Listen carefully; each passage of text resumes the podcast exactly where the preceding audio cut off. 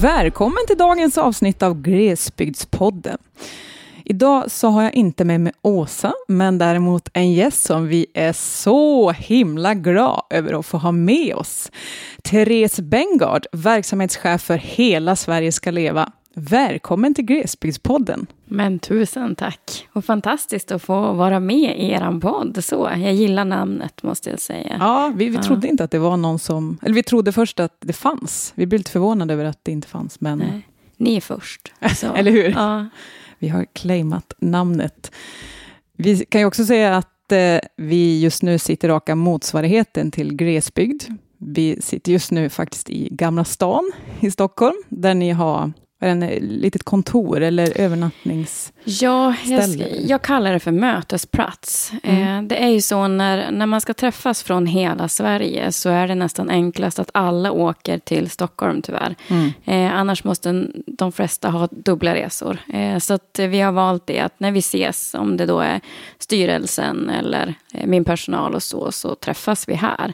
Men som sagt, min personal bor ju och lever och jobbar från eh, olika platser runt om i Sverige. Och så är det i vår styrelse också utspridd över hela Sverige. Så att, um, det är vi väldigt stolta över, ska jag säga. Ja, eller hur? Mm. Snyggt jobbat. Mm. Kan säga, vi, jag följer dig på Facebook och er organisation och ser, du gör så himla mycket bra spaningar, måste jag säga. Eh, och du har, sitter ju på så mycket kunskap kring de här frågorna. Det finns så himla mycket vi skulle kunna prata och fråga om. Men jag tänkte så här, att du skulle kunna få börja med att bara berätta lite om dig själv och din bakgrund.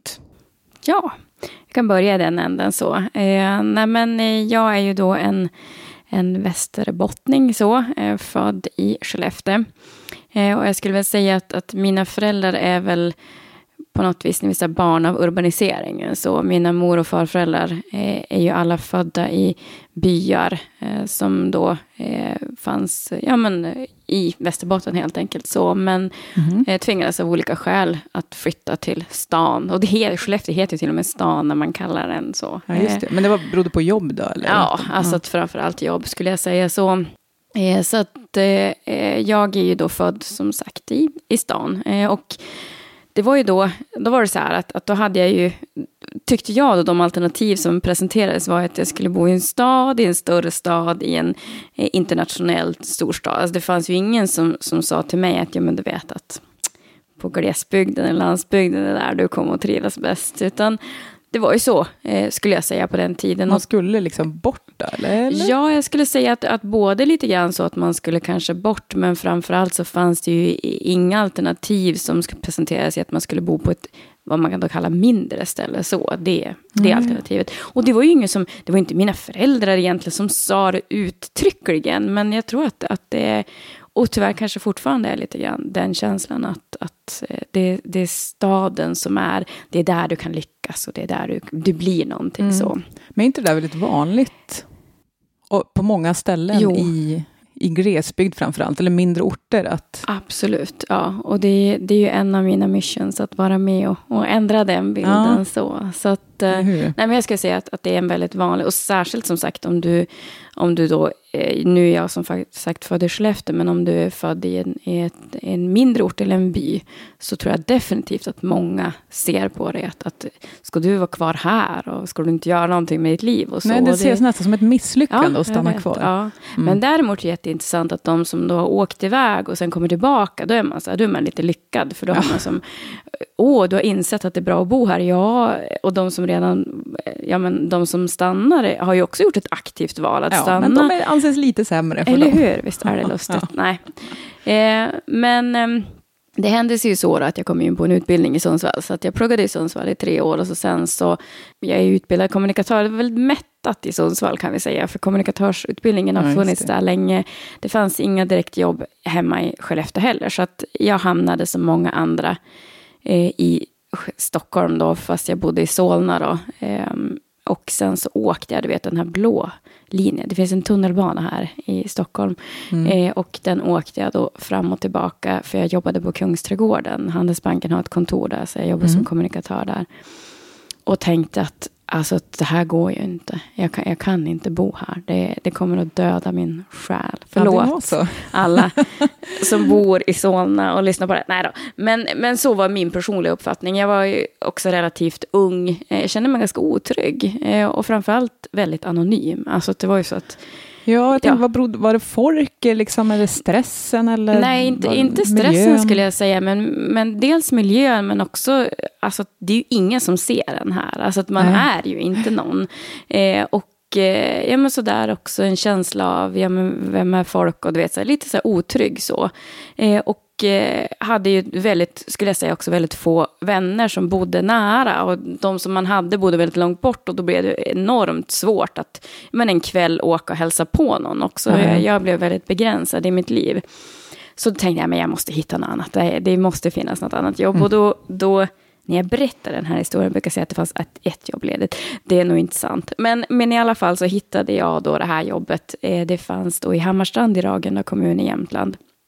Och jag hade ju aldrig varit dit. Men Nej. det ligger ju då, Ragunda ligger ju relativt nära Sundsvall. Så jag tänkte, ja men det, det borde ju vara ganska bra så. Då. så mm. att, eh, det är då vinter eh, och man åker då den här vägen då från kusten då som jag kom då in mot inlandet. Eh, Indars-leden där. Och det är ju, det. Alltså, det, alltså du blir ju kär direkt. Alltså, mm, det, det, är, är ju så sjukt fint. Så. eh, de här dalgångarna, eh, niperna, eh, bergen, eh, vattnet. så. Eh, och sen kommer man då ner, det är nästan som du vet, så här, när man kör den här vägen så blir det nästan som att man ser ett samhälle som en sån så här sagosamhälle, så en by där du vet, det ryker lite grann i skorstenarna mm. och så. Eh, och så sen kommer man då eh, från då en miljö som man upplever ganska anonym och otrygg till Hammarstrand, som är ju den totala motsatsen, skulle ja. jag säga. Eh, där känner ju i princip alla alla man känner sig väldigt sedd. Eh, mm. För folk börjar hälsa på en direkt. Jag tänkte, men ja. hur kan de veta vem jag är?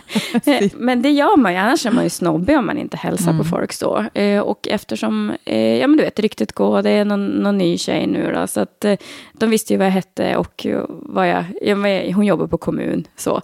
Ja, och sen då, du vet, ja men man kan gå ut på kvällen utan problem så. Fick väldigt goda vänner väldigt snabbt så i det samhället. Därför att det kändes som att folk öppnade verkligen sina dörrar. Så jag hade ju som sagt ingen koppling dit, kände ingen från början. Men, mm. men det var ett, ett väldigt eh, fint välkomnande skulle jag säga och ett jobb då som, som ung kommunikatör. Jag fick, jag fick göra precis vad jag bara jag höll budgeten på något ja, vis, som det. var typ noll. Men det går ju att vara kreativ. Mm. Eh, och jag fick, ja men du vet, använda alla de, de kunskaper jag hade fått och eh, fick väldigt stor, eh, stora möjligheter helt enkelt. Så, mm. så jag trivdes ju väldigt, väldigt väl. Och det, det som var paradoxen i det var ju att då hade jag ju då enligt du vet, de här bäst att bo-rankningarna så, så ja, hade jag flyttat från Solna då. alltså, så ligger alltid typ så topp tre minst. Så, eh, till då Ragunda. Och Ragunda kan jag säga i de rankningarna, ja, vi ska ju vara glada om vi ligger topp tio från botten. Så, alltså, ja, det, det är ju, du vet, det är, eh, Alltså de värdena som finns där finns inte med i rankningen, Nej, skulle jag säga. Det beror Utan man, på hur man mäter. Ja, man mäter helt andra mm. saker. Och då började ju, skulle jag säga, min också eh, landsbygdskamp. Så att varför är det så här? Mm. Vem bestämmer vilka platser som är bra eller inte? Mm. Hur kan det komma sig att min uppfattning om det här är helt annorlunda? Alltså det blir ju mycket att man utgår från sig själv. Så. Mm. Eh, och hur kan det då komma sig att, att eh, folk säger att så, och särskilt så här ung kvinna, akademiker, det var ju mm. som storstaden som gällde så.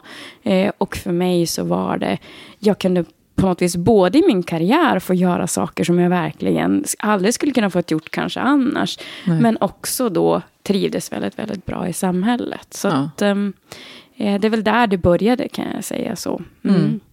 Och sen dess har jag bara fortsatt. Mm. Ja, härlig berättelse. Mm. Just det där uh, att få ha möjlighet att göra det man vill på en, på en sån ort det är ju inte alltid kanske man har den möjligheten i större städer. På det kan i alla fall jag uppleva på det sättet. Alltså, jag och Åsa har pratat om det där att eh, man är som en liten, man kan vara en stor fisk så att säga, i en liten damm. Att, ja, ja. Men det kan också vara väldigt jobbigt, för du har stora tyglar, i alla fall inom kultursektorn kan det vara så att du kan i princip göra nästan vad du vill, och få göra vad du vill, men, men du kanske också måste göra allt själv till viss del. Mm. Absolut, så är det ju. Det är väldigt mycket som sagt att, att du är din, din egen lyckas med på något mm. vis och, och, och få lösa det där. Och det var ju som, ja men vi hade ju inte några pengar i kommunen direkt så. Jag bara, ja men nu ska vi göra en broschyr så. Ja men det var ju bara att ställa sig i kopieringsmaskinen och kopiera upp dem där och vika dem och göra det. Men, mm. men jag fick ju ut det jag ville på något ja. vis. Så. Eh, så att, eh, men det tror jag, att man får göra mycket, mycket själv. så. Mm. Eh, men jag tror inte att alla betraktar de platserna som du vet, så här, möjligheter till att kunna förverkliga dina idéer och drömmar. så, Utan Nej. det är oftast någon annanstans det ska ske. Och för mm. mig var det definitivt tvärtom, skulle jag säga. Mm. Eh, men sen så kan det ju också bero på vilken plats jag hamnade på, i vilket jobb jag hamnade eh, när jag var i Stockholm också såklart. Så. Men, men jag trivdes väldigt, väldigt väl på den här platsen. Mm. Eh, och eh, de, det är ett klokt där ordspråk att säga att, att där man känner sig önskad, där vill man också stanna. Och det, det var verkligen det. så här att jag kände mig verkligen önskad på något mm. vis. Så att, att gud vad roligt att du är här och att, att mm. ja, eh, ja. Det finns ofta en helt annan tacksamhet, kan i alla fall jag uppleva, uppöver. Absolut. Ja. För, för folk vet ja. ofta vad ja, hur, hur, hur illa höll jag på att säga det kan vara, men, men att det är en helt annan kamp. Så att mm. kommer det någon som vill stanna eller kommer det någon som vill göra något så, mm.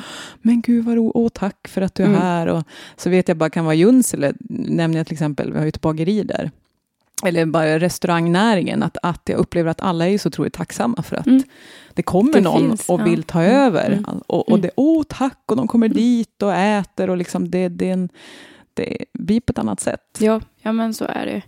Nej, men och sen ska jag säga också, jag hade ju som sagt turen att träffa väldigt, väldigt goda vänner. Och, och mm. eh, en av, av, mina absolut bästa kompisar är ju också en sån som vet, hon känner alla. Mm. så att lärde jag känna henne så var det som alla dörrar öppnades. Ja, det. Eh, det är också det där att man ska ha turen att, att eh, ja, men, hitta rätt helt enkelt. Så, så att, Och nu är du då verksamhetschef ja. för den här organisationen Hela Sverige ska leva. Eh, kan du inte berätta lite kort om, om, om just den här verksamheten för de som kanske inte känner till den lika väl? Vad, vad, vad gör ni? Vad, hur jobbar ni? Vad, är liksom missionen eller uppdraget? Mm. Eller säga? Ja, så det, det är så himla skönt. Jag som har jobbat inom den kommunala världen, så vi har inte så här tre A4-sidor lång vision, utan vi är ju vad vi heter. Mm. Vi vill ju att hela Sverige ska leva, så det, det är ju ganska enkelt. Det kan jag, jag, kan väcka min personal mitt i natten och fråga vad, vad är vår vision. eh, men eh, sen så har vi då, syftet är ju just att verka för goda villkor i hela landet, en mm. god landsbygds, landsbygdsutveckling. Eh, men också den här balansen mellan stad och land. Att hur ser resursfördelningen ut? Hur kan vi skapa ja, men möjligheter att kunna leva och bo i hela det här landet. Mm. Eh, vi har ju funnits väldigt länge, eh, ända sedan slutet av 80-talet faktiskt. 89 eh, bildades vi. Ja, det är så eh, länge. Ja, det mm. är det. Och eh, har ju varit sådär att eh, med lite olika konstellationer på olika sätt ändå strävat efter samma sak. Möjligheterna som sagt för folk att kunna leva och bo i hela det här landet. Mm. Eh, och det som är utmaningen för oss är att det är ju väldigt mycket olika frågor. Det finns ju hur mycket som helst man, man kan göra så. Mm. Eh, men det man kan säga är att vi är ju, vi är ju inte en, en som bara driver gröna näringar eller skogsfrågor. Så, utan vi försöker ju driva allt från infrastrukturfrågor till service, till ja, men, trygghet som jag var inne på. Men även kultur, fritid, ja, men, attraktiva samhällen helt enkelt. Så, så att, ehm, mm. Vi är ju bildade av då, vi har ju ungefär 5 000 lokala utvecklingsgrupper som finns runt om i hela Sverige. Och så sen har vi också medlemsorganisationer som är om du tänker studieförbunden, LRF, eh, Hembygdsförbundet, eh, olika typer av ja, men 4H, vi unga, så att, ja, men folk som finns, eller organisationer som finns i hela Sverige som, som driver de här eh, också eh, vill på något vis att det ska finnas liv och rörelse överallt. Mm. Och de då tillsammans, då, eh, det är ju eh, de lokala utvecklingsgrupperna bildar då länsavdelningar och det är de som väljer in våran styrelse. Då. Och det är under den styrelsen som kansliet finns och där, där jag jobbar som verksamhetschef. Då. Ja, just det. Så vi är ju en ideell organisation och egentligen skulle jag säga att jag brukar beskriva det som att vi har två stycken uppdrag. Det ena handlar om att stärka det lokala och regionala, alltså att hur kan man jobba med lokal utveckling? Vilka metoder finns? Vilka typ, vi gör handböcker och tipslistor och du vet, försöker sprida kunskap om hur man jobbar med sina eh, samhällen. Det kan vara, nu är det ju väldigt hett med, med bostadsfrågan. Ja, men då kan mm. det vara så att hur har de byggt eller hur har de gjort för att kunna lösa det här så? Mm.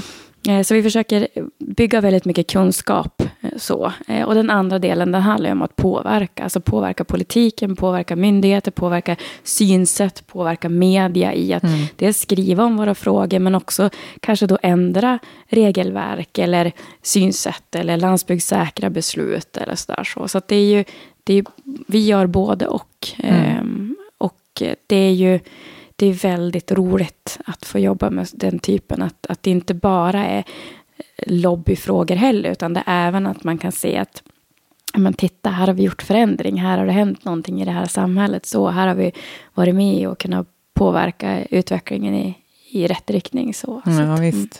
För det är ju uppenbart att vi tycker att Sver hela Sverige lever ju inte idag då? Eller inte kanske på det sättet som vi skulle önska. Nej, alltså, eller jag Vad skulle är liksom säga... det stora problemet egentligen? Ja, som du alltså tycker att, råder just nu? Det, det jag tycker är att, att det finns olika villkor. Alltså det är väl det att... att mm. ehm, jag, när jag är runt, för jag, åker, jag har åkt väldigt mycket innan pandemin eh, och träffat väldigt många olika. Och, alltså det finns ju en enorm kraft, det finns ju en enorm vilja, det finns extremt mycket ideellt arbete som sker. Mm. Men det är skillnaden är att, att vi som bor i så kallade glesare områden eller landsbygd eller, eller på mindre orter skulle jag säga också vi förväntas göra mycket själva. Alltså ja. det är ju så. Alltså det är ju det snöskottningen ska... Själva. Ja, men, exakt. Du som är musikalisk så. jag ska inte sjunga idag. Ja. Eh, vi får se. Man vet ju aldrig i slutet här. Nej då, men, men, eh, men det är ju så. Alltså att vi förväntas göra det själv så. Mm.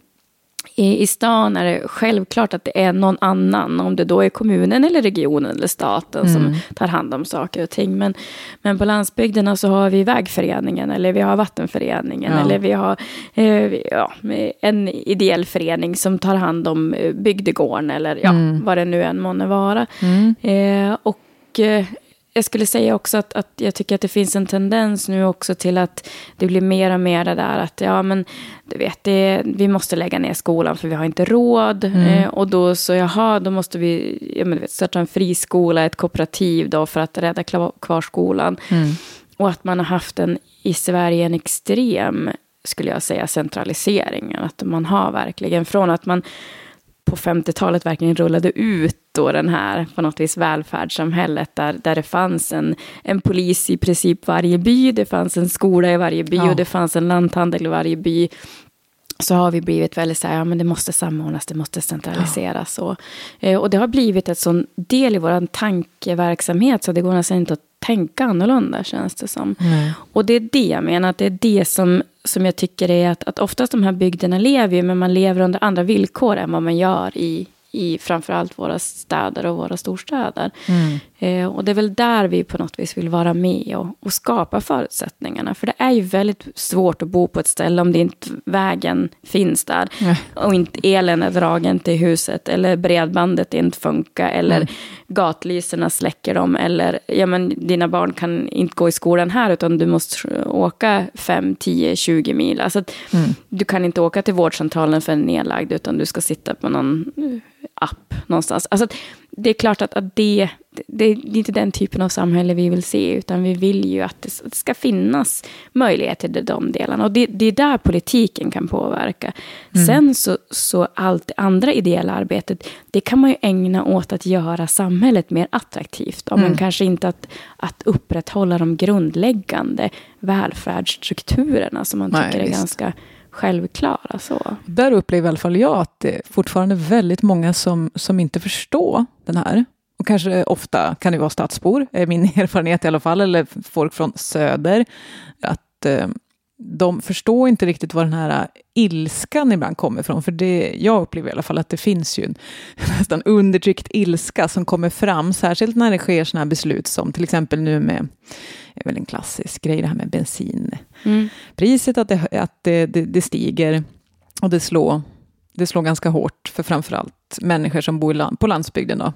Eh, och, och det är många som inte förstår vad den här ilskan kommer ifrån. Och det, känns, för det, är ju inte bara, det har inte bara att göra med bensinpriset, Nej. det är så mycket mer. Och den kan jag bli frustrerad över att mm. inte fler folk förstår vilken jäkla kamp det är på många ställen mm. för att ens få en fungerande välfärdsservice. Nej, Nej men och det, det, är det, för jag kan bli less ibland, att är det verkligen så att vi måste kämpa för varandra ja. grej så? Och att man måste nog berätta för folk att ja, men, vet du, om du släcker gatlyset så är det en symbolisk handling också. Mm. Alltså här som exempelvis i min hemkommun då, Ragunda, så producerar vi 10 procent av Sveriges vattenburna el. Alltså det är mm. enorma mängder. Eh, om, om bara Ragundaborna skulle som, så konsumera så skulle det, det behöver bara en veckas produktion, sen klarar vi oss. Ja. Så. Mm. Så att vi, de resten 51 veckorna skickar vi ju någon annanstans. Så. Ja, ja, och så sen så kommer Trafikverket säga nej, vi, ni kan inte ha några gatlysen här inte. Det, mm. det är för dyrt eller det, det, nu kör de med någon slags att det är trafikfarligt. De här har suttit där de senaste 40 åren. Men nu helt plötsligt, jag säger det finns ju träd vid vägen också. Då borde att de, de skulle vara trafikfarliga? Ja, jag vet inte. De, de, de, det känns som att de hittar på saker ibland. Så. Ja. Men och, och, det är också att folk, ja men vadå, ett gatlyse? Jo men mm. nej, det, alltså det mm. är bara en del, som du säger, i helheten. Att, mm. att förutom att det nu är, är svindyrt då, att, att eh, tanka bilen så, så, så blir det på något vis att man tar grej för grej. Mm. Så, och att det varje gång ska behöva vara en kamp. Ja. Jaha, ja men nu ska Arbetsförmedlingen lägga ner, ja då ska vi protestera mot det. Och nu ska BB lägga ner, ja men då ska vi mm. protestera mm. mot det. Och nu ska skolan, alltså, ja, och, och det, det, det är det jag skulle vilja komma bort ifrån, att man ändå är i en välfärdsstat som Sverige, som ändå har det ganska bra, om vi säger så, så skulle man kunna ha en slags lägsta nivå, eller mm. ja, men, rimligt avståndsnivå, eller vad nu man säger, att, att det här ska vi ha. Mm. Precis. Eh, och det, jag, brukar, jag brukar ta det exemplet ibland när jag pratar om de här sakerna. Att, att under förra valrörelsen så var det så att man lägger ner eh, BB i Sollefteå. Eh, mm. som är en sån där det är en grundläggande trygghet för, för mödrar att få mm. föda ja, men i, i, sin närhet, om mm. man säger så. Det är inte jätteroligt att åka väldigt långt. Eh, även fast man kan argumentera, ja men det finns de som har längre. Ja men det, det, har ju funnits där. Alltså mm. man, man förväntar sig inte att det ska lägga ner i alla Nej. fall. Eh, och eh, då, då på något vis, ja men det, det, det var ju ekonomi man skyller på, ibland också kompetens som man skyller ifrån. Fast mm. jag ska säga att, att det argumentet håller ju inte när det gäller BB Sollefteå i alla fall. Var inte det till och med ett av de bästa, eller, eller i alla fall ett väldigt, väldigt bra fungerande sjukhus? Det var i alla fall jag hörde. Eh, jag som det, är född där också. Ja, ja men du ser. ja, precis. Ja, mm. eh, nej, men jag skulle säga också det, att, att jag tror inte att det hade med det att göra, utan det hade mer med ekonomi att göra. Mm. Och kanske på något vis, om man ska vara konspirationsteoretiker, att man tänker att man plockar del för del. Till slut finns det inget sjukhus kvar, för man vill egentligen inte ha Sollefteå kvar. Men Nej, för tar man bort en del så försvinner ju ja, det alltså andra också. Det blir på något vis mm. att det raseras. Mm. Och samtidigt så öppnar man då, eller, eller så säger man, det är jätteviktigt, vi öppnar en jämställdhetsmyndighet i Göteborg. Där då administratörer och byråkrater och tjänstepersoner ska sitta och på något vis, vadå, eh, undersöka om det blir försämrade villkor för kvinnor i Sollefteå, att man lägger ner BB eller? ja, alltså, där någonstans så skaver det. Mm, alltså, mm. Och det, det, är där jag tror också att folk blir arga. Mm. Det här är skattepengar, ja. både och, även fast det är olika då, kassor, om man kan säga att staten är en och, och kommunen och regionen är en, men men det gör på något vis ont i folk på riktigt när mm. man tappar de typerna av saker. Samtidigt som man ser att vi har råd med 80 miljoner i Göteborg eh, för folk. Nu säger inte mm. jag att Jämställdhetsmyndigheten är dålig i... Nej, nej. nej men... men... Men, det blir, jag tycker att det blir väldigt tydligt exempel på hur vi hanterar skattemedel. Och då tycker jag att Men kan vi inte göra så att vi har på något vis den här ja, men grund... Vi kommer överens om det, att det ska finnas farbara vägar. Det ska finnas bra uppkoppling överallt. Och det ska finnas en ja, men grundläggande välfärd i form mm. av skola och, och vård och omsorg och sådär. Varför ska det vara så himla svårt då? Alltså jag, hur, hur, har vi egentligen hamnat i det här? Jag tänker, är, alltid, är inte alltid intressant i de här frågorna att jämföra Norge? Eller många brukar mm. göra det i alla fall. Jag tänker bara det här du var inne på med vattenkraften. Mm. Du har säkert jättebra koll på, för det är i alla fall jag har hört, att de har ett helt annat system för, för hur mycket pengar som Absolut. Eh, region, eller kommunerna får, får tillbaka. Mm, eh, och jag tänker att vi ska börja på något vis i den änden, tror jag. Att, att dels som jag tror att vi har haft en väldigt olika syn på eh, vad ska man säga, sitt land. Så skulle jag vilja säga. Att, att Sverige har strävat efter du vet, så här, att vara urbana och vi tycker att det är ganska coolt. Du vet, så, här, så att, vi vill vara så himla eh, moderna. Ja, vi ska, och, och urbanitet är lika med modernitet. Mm, alltså så, man kan inte det. se att, att det är, du, du vet, det, det, det gamla var på något vis jordbruks-Sverige och sen så blev vi moderna. Så mm. då flyttade alla till stan. Lite grann den bilden. Och, och vi, var ju, vi är ju extremer oftast i det vi gör. Så vi vill ju som att, att det här skulle vara, vi, vi ska konkurrera med London eller vem, vem nu vi ska konkurrera med. Så New York kanske. Mm. Medan Norge har identiteten som ett landsbygdsland. Alltså att ja, man, man ser på sitt land på ett annat sätt skulle jag säga. Jag tror inte alls att, Oslo har samma status som Stockholm. Alltså förstår jag, mm, mm. Det, det känns inte så. När man pratar med dem så identifierar de sig också som ett landsbygdsland. Mm. Sen skulle jag också säga att det är såklart så att, att vi har levt i fredstid väldigt, väldigt länge. Och det är också skillnader där. Att mm. Norge och Finland, man kan även kolla på Finland, de har en helt annan, vi måste ha folk i hela landet, du vet. Vi måste vara självförsörjande. Mm. Vi, vi måste på något vis hålla igång det här. För att om det skulle hända något så, så vill vi vara beredda. Ja, ja. Medan Sverige, nej, det, det kommer inte hända någonting. Vi har haft det, för bra helt enkelt. Lite grann skulle jag säga att, att det också har med vår historik att göra. Mm. Så. Eh, men, men då för att gå över till, till den specifika eh, just frågan om, om vattenkraften. Dels så har de ju ett, ett, annat system när det gäller fördelningen av, alltså de ger egentligen mer tillbaka till sina kommuner också. För om man tänker, det är inte bara vattenkraftskommunerna som får mycket pengar. Eh, utan alla kommuner har det ganska bra där. Eh, när det var en diskussion om, om det här med, eh, man skulle ju få åka, om det var 30 mil för ett ultraljud uppe i Kiruna. Mm. Eh, och då jämförde de att, att eh, Narvik har ett mycket större sjukhus och, och mycket mer, alltså att, eh, vad ska man säga, specialister där. Och Narvik är betydligt mindre än vad Kiruna är. Så att, att Norge har ett annat sätt att se på saker och ting. Ja, Men när det gäller just vattenkraften så är det ju så att, att där får ju då den kommun som finns i, eh, i vattenkraftens närhet, om vi säger så, får ju tillbaka eh, mm. väldigt mycket pengar skulle jag säga. De har flera, det är fyra olika typer av, av eh, vad ska man säga, taxer eller sånt där. Så, så att, Eh, det, ni kan gå in och läsa i vår balansrapport. Vi gör ju balansrapporter och där nice. har vi skrivit om det här. Och det här är, är den i, om naturresurser. Mm. Och den, det siffra jag har i huvudet, eh, eftersom man är så här ego, så är ju Ragunda såklart. Mm. Eh, och en kommun som Ragunda skulle få 193 miljoner varje år ja. om det var en norsk kommun. Ja. Eh, och då snurrar ju kommunen runt på ungefär 320 miljoner. Så att det skulle ju vara enormt mycket pengar. Mm. Som man då skulle kunna rusta de där simhallen eller mm. gympahallen eller du vet, eh, skotta isplanen så att det inte bara är det. Alltså, det, det finns ju väldigt, väldigt mycket man skulle kunna göra. Och det är det som är skillnaden när du åker över till Norge. Att de har ju en helt annan infrastruktur och en helt annan... Du vet, de här kommunerna känns ju välmående. Så, mm. Mm. så att, eh, ja, inte de med Norge. Ja, eller hur? För de gör väl andra saker? Eller så mm. kan jag...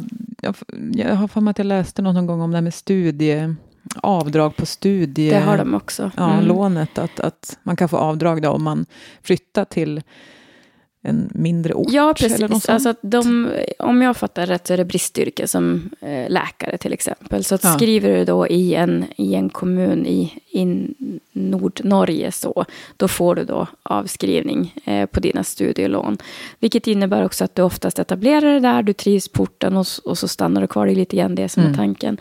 De har ju även, som jag fattar olika skattesystem, att, att du betalar mindre och mindre ju längre norrut. Ju, ju, mindre sol du har ja, på vintern. Så, eh, så att de, de, har helt annat och även såklart de är ju inte med i EU så de har ju en annan också, skulle jag säga, jordbrukspolitik också. Mm. Eh, sen så är det väl klart att det finns säkert dåliga saker i Norge och det är säkert eh, norrmän som är irriterade och det finns mm. säkert mm. en, en urban norm som finns i det eh, landet också. Men jag skulle säga att de har en helt annan politik, verkligen. Mm. mm. Det här med urban norm då, som mm. du nämner nu, vad, vad innebär det då egentligen? Ja.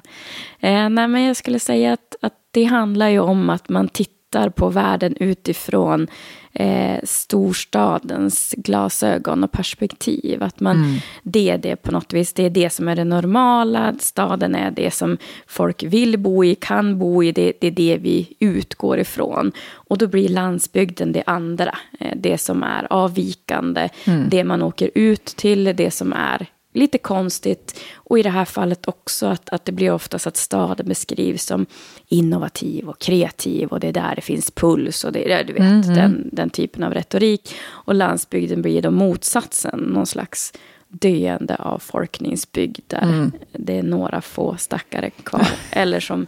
Så fruktansvärt som, orättvis beskrivning. Ja, ja, absolut. Eller som, som Kjell A. Nordström sa det där att det är skräpytor så att det är någon slags, du vet, mm. ja.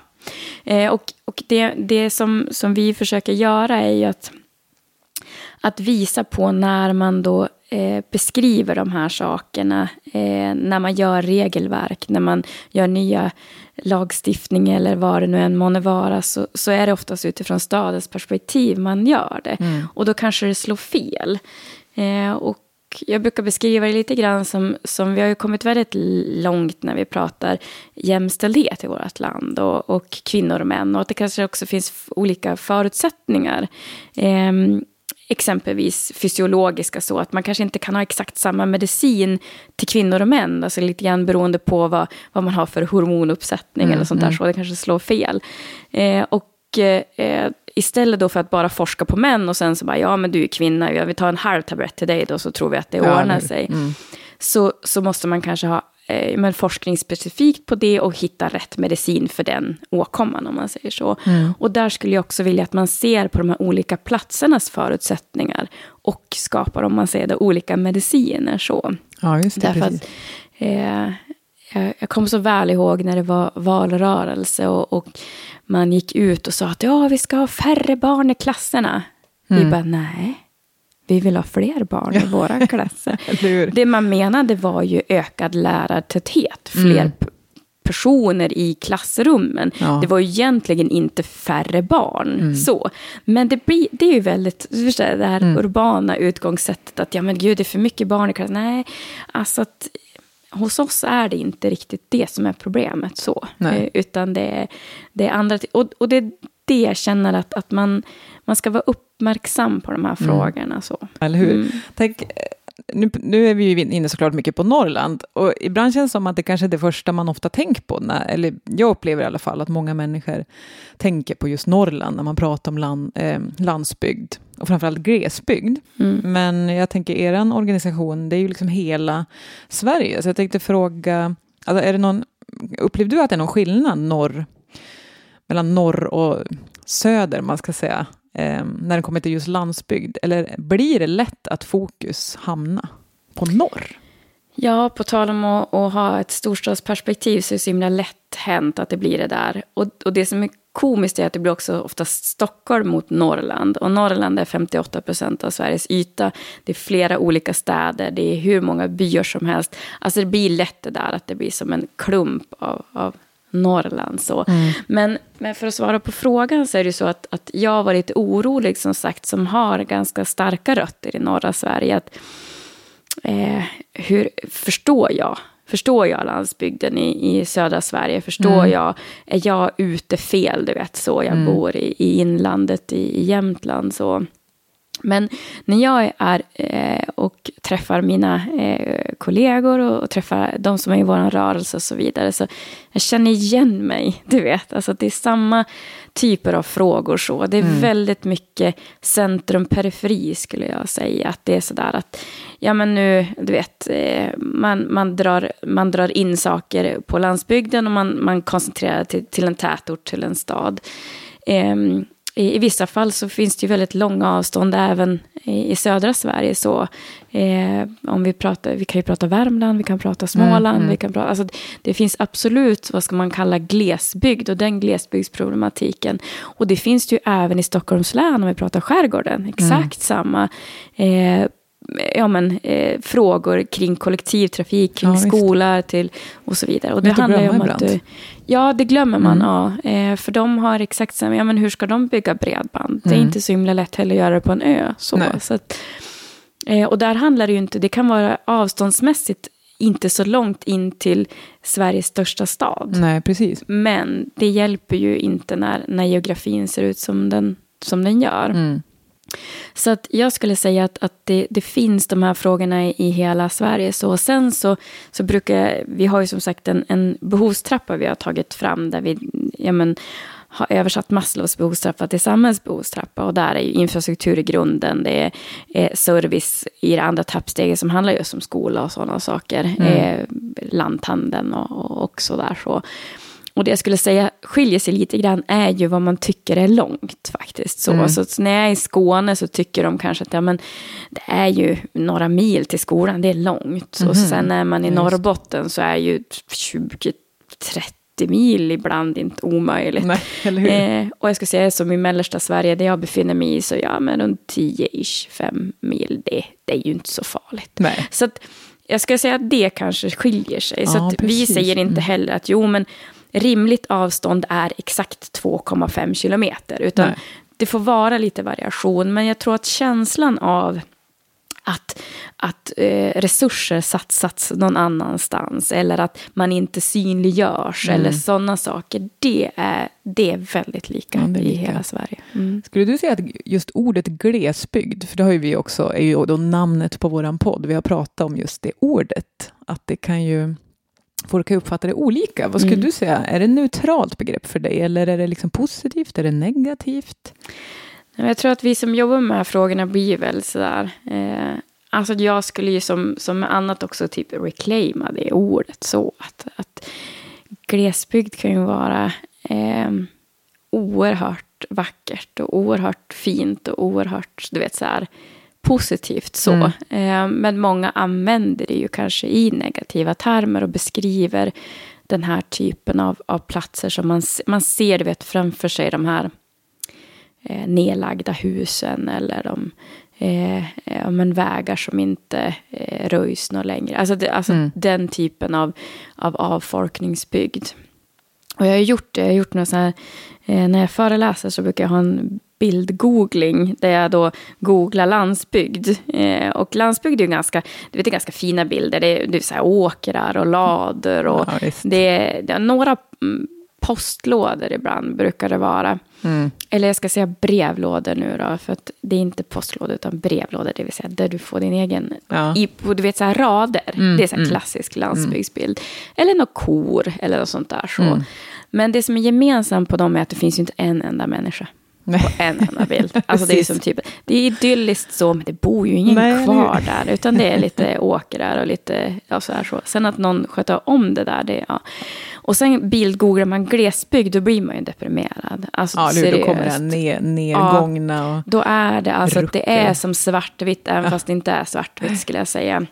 Och det är ruckel och det är nedlagda, ja men du vet, eh, butiker eller, ja men, ja, där det verkligen är illa. Så att glesbygden är ju inte i, i gemene mans kanske eh, minne eller vad man förknippar med det som något positivt. Men, men för mig personligen så, jag har inget svårt för ordet och jag tycker så att det är så mycket eh, glesa bygder. Alltså att mm. där, det, där det kanske inte är så nära mellan husen men extremt nära mellan människorna. Alltså mm. det är ju det är på något vis fint också. Så, mm. eh, så att, um, ja, Vi ska det, återta ordet lite helt enkelt. Det tycker jag. Kan man mm. säga. Alltså det här är ju så intressant, oh, det finns så mycket man ja. kan prata om. Eh, jag ser klockan dra lätt iväg, men jag tänkte att jag skulle försöka binda ihop det här lite med att eh, se då, finns det något hopp helt enkelt? Det är så här, en del menar ju att, till exempel, nu återgår jag här till Norrland då, eh, nästan bör betraktas som en koloni, det har man ju pratat mycket om. Eh, och vissa brukar till och med dra det så långt att Norrland borde vara ett eget land, liksom, om, det går, om man ska dra det riktigt hårt. Eh, tycker du att det är så pass illa, eller, eller illa och illa, men, men är det lösningen, eller finns det, finns det annat hopp? Vad, vad tror du? Liksom? Alltså Jämtland är ju redan egen republik, så, att vi, vi, har ju gått längre ja, som vanligt. Eh, nej, men det jag skulle säga är att eh, just nu så håller ju bilden på norra Sverige på att verkligen vändas upp och ner. Så. Alltså att, eh, den, den energiomställning och de satsningarna som kommer att göras i norra Sverige under den här perioden är ju makalösa, skulle jag säga så. Mm. Och ehm, eh, vi eh, generellt sett så skulle jag säga att landsbygdsfrågan har ju under min tid, när jag håller på med det här, aldrig varit så het som den är nu. Alltså att det är många som pratar om det och det finns ju även, eh, jag har ett, ett, eh, ett stort utklipp med så här flykten från storstan. Och ja, just det, det är ju inne nu. Ja, alltså det är lite inne. så här, ja. Om vi nu pratar Sverige som ska vara lite trendigt sådär. Ja, jag vet. Jo, men det är lite grann så. Eh, sen så får man diskutera om det är en, en grön våg eller en, en trygghetsvåg eller en, en jag vill ha mitt liv tillbaka-våg eller mm. vad nu det är så. Men, nej, men jag skulle säga att, att bilden av norra Sverige är väldigt eh, blandad nu. så. Eh, mm. att, att, ehm, eh, och det kanske alltid har varit det här att, att så här, norrsken och du vet, så lite mm. så här mm. mystiskt och häftigt och man kan, du vet, så här, man åker dit och åker skidor eller vad nu man gör så. Eh, mycket rekreation och sådär mm. så. Eh, och samtidigt på något vis fortsatt kanske en bild av att eh, det är bara eh, killar utan utbildning som kör skoter och dricker ja, hembränt. Alltså det finns, jag skulle säga att det, att det finns nog också kvar så mm. um, i det här. Ja, det är bara att se vad, vad som visas fortfarande på tv och ja, serier och. Och... Vi skulle kunna göra ett helt poddavsnitt om det också. ja. uh, nej, men, så att, um, men, men även där så, så det finns ju nu väldigt mycket, skulle jag säga, intressanta eh, initiativ som görs. Framförallt skulle jag säga av, av kvinnor i de här frågorna i norra Sverige. Så, och mm. ni är ju ett exempel på det. Ja, men så är det ju. Eh, och eh, jag tror... Och du är ett men, exempel också får man ju säga. Eh, jo, nej, men alltså, vi är ju, mm. alltså, mm. och det tror jag är jätteviktigt att visa på den här jag ska säga, motbilden. Så. Mm. Eh, och att, att det inte bara losers som bor i norra Sverige. Nej. Och att vi som bor där har valt att bo där, för vi mm. trivs där. Så. Mm. Um, så får vi se. Jag brukar säga, jag har ju pratat om de här frågorna så länge och känt att det har varit så starkt motstånd. Alla bara, ja, ja, nej, nej. Ni ska fortsätta och tappa i befolkning och det är ingen som vill bo där. Och till slut kommer någon att släcka den sista lampan. så. Men jag har mer hopp nu faktiskt än på ja, länge. Vad härligt. Ja. Avsluta med lite, lite hoppfullhet. Mm. Ja, det är så lätt att hamna i det här uh, kamp, negativa kampkänslan. Mm, ja. den, kampen behövs ju också, men... Ja, men så är det ju, absolut. Men, men, men hopp framförallt. Kamp, ja, men kampen är ju viktig för att få bo där man vill bo. Så, och, mm. och vi bor ju sjukt fint, så är det ju. Mm. Mm. Säger jag då som bor i Uppsala, men en dag kommer jag flytta.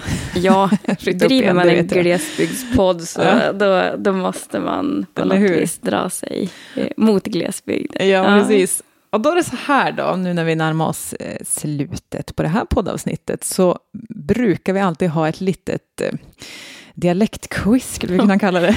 Åh oh, nej, det är nu jag börjar svettas ja, ja, men, men du behöver inte oroa mm. för jag kan säga, jag brukar göra den här med Åsa då. Mm. Eh, och Åsa brukar inte ha så många rätt, även fast hon också är driver på det tillsammans. Ja. Så att mm. det, anledningen till att jag kan många ord det är ju för att jag verkligen är uppväxt i en inlandsbygd. Liksom, Alltså det är verkligen med, med de orden. Det, är inte, det behöver man ju inte ha gjort. Det är kanske också en, en sån bild som må, många tror att alla, alla kan de här orden, men det behöver man inte göra. Nej. Och nu är ju inte vi från samma bygd heller, så vi får ju se. Det. Nej, så, och det, jag menar, mina, min farmor och farfar pratar ju skellefteåbonska med varandra. Så. Mm. Och det var ju ett språk som man inte ens förstod. så. Och sen flyttar man till Jämtland, då inser man att Ragundamålet är ju helt annat än Ja, vad de det- pratar i Föling eller i... Ja, visst. Ja, så det har inte jag koll på de orden heller. Nej. Kan säga, så. Eh, Men vi får se. Jag är ju någon om det- blandning. Ja, om, om jag, jag, kan kanske ändå det gemensamma ord. Så det första, jag ska ta tre ord då. Första ordet är klater. Eh, jag har faktiskt ingen aning. Vad skulle det kunna vara? Nej, jag vet inte. Eller att någonting också kan vara klatrigt. Ja. Man tänker att det är stökigt eller något sånt där. Så, Ja, men eller? det är- Ja, Det är besvärligt liksom. ja okej. Ja. Mm. Det här ja. var ju klatrigt. Ja, Ja, ja. Ja. ja. men bra. Mm. det är en halv Då- poäng skulle jag ändå säga. Yes. Ehm, så kommer nästa då. Skärligt. nej, det var ju svårt. Alltså man tänker ju så här skäligt så, men det, kan ju, det är ju för lätt. Så. Nej, det är faktiskt någonting liksom värdefullt kan man säga. Jaha.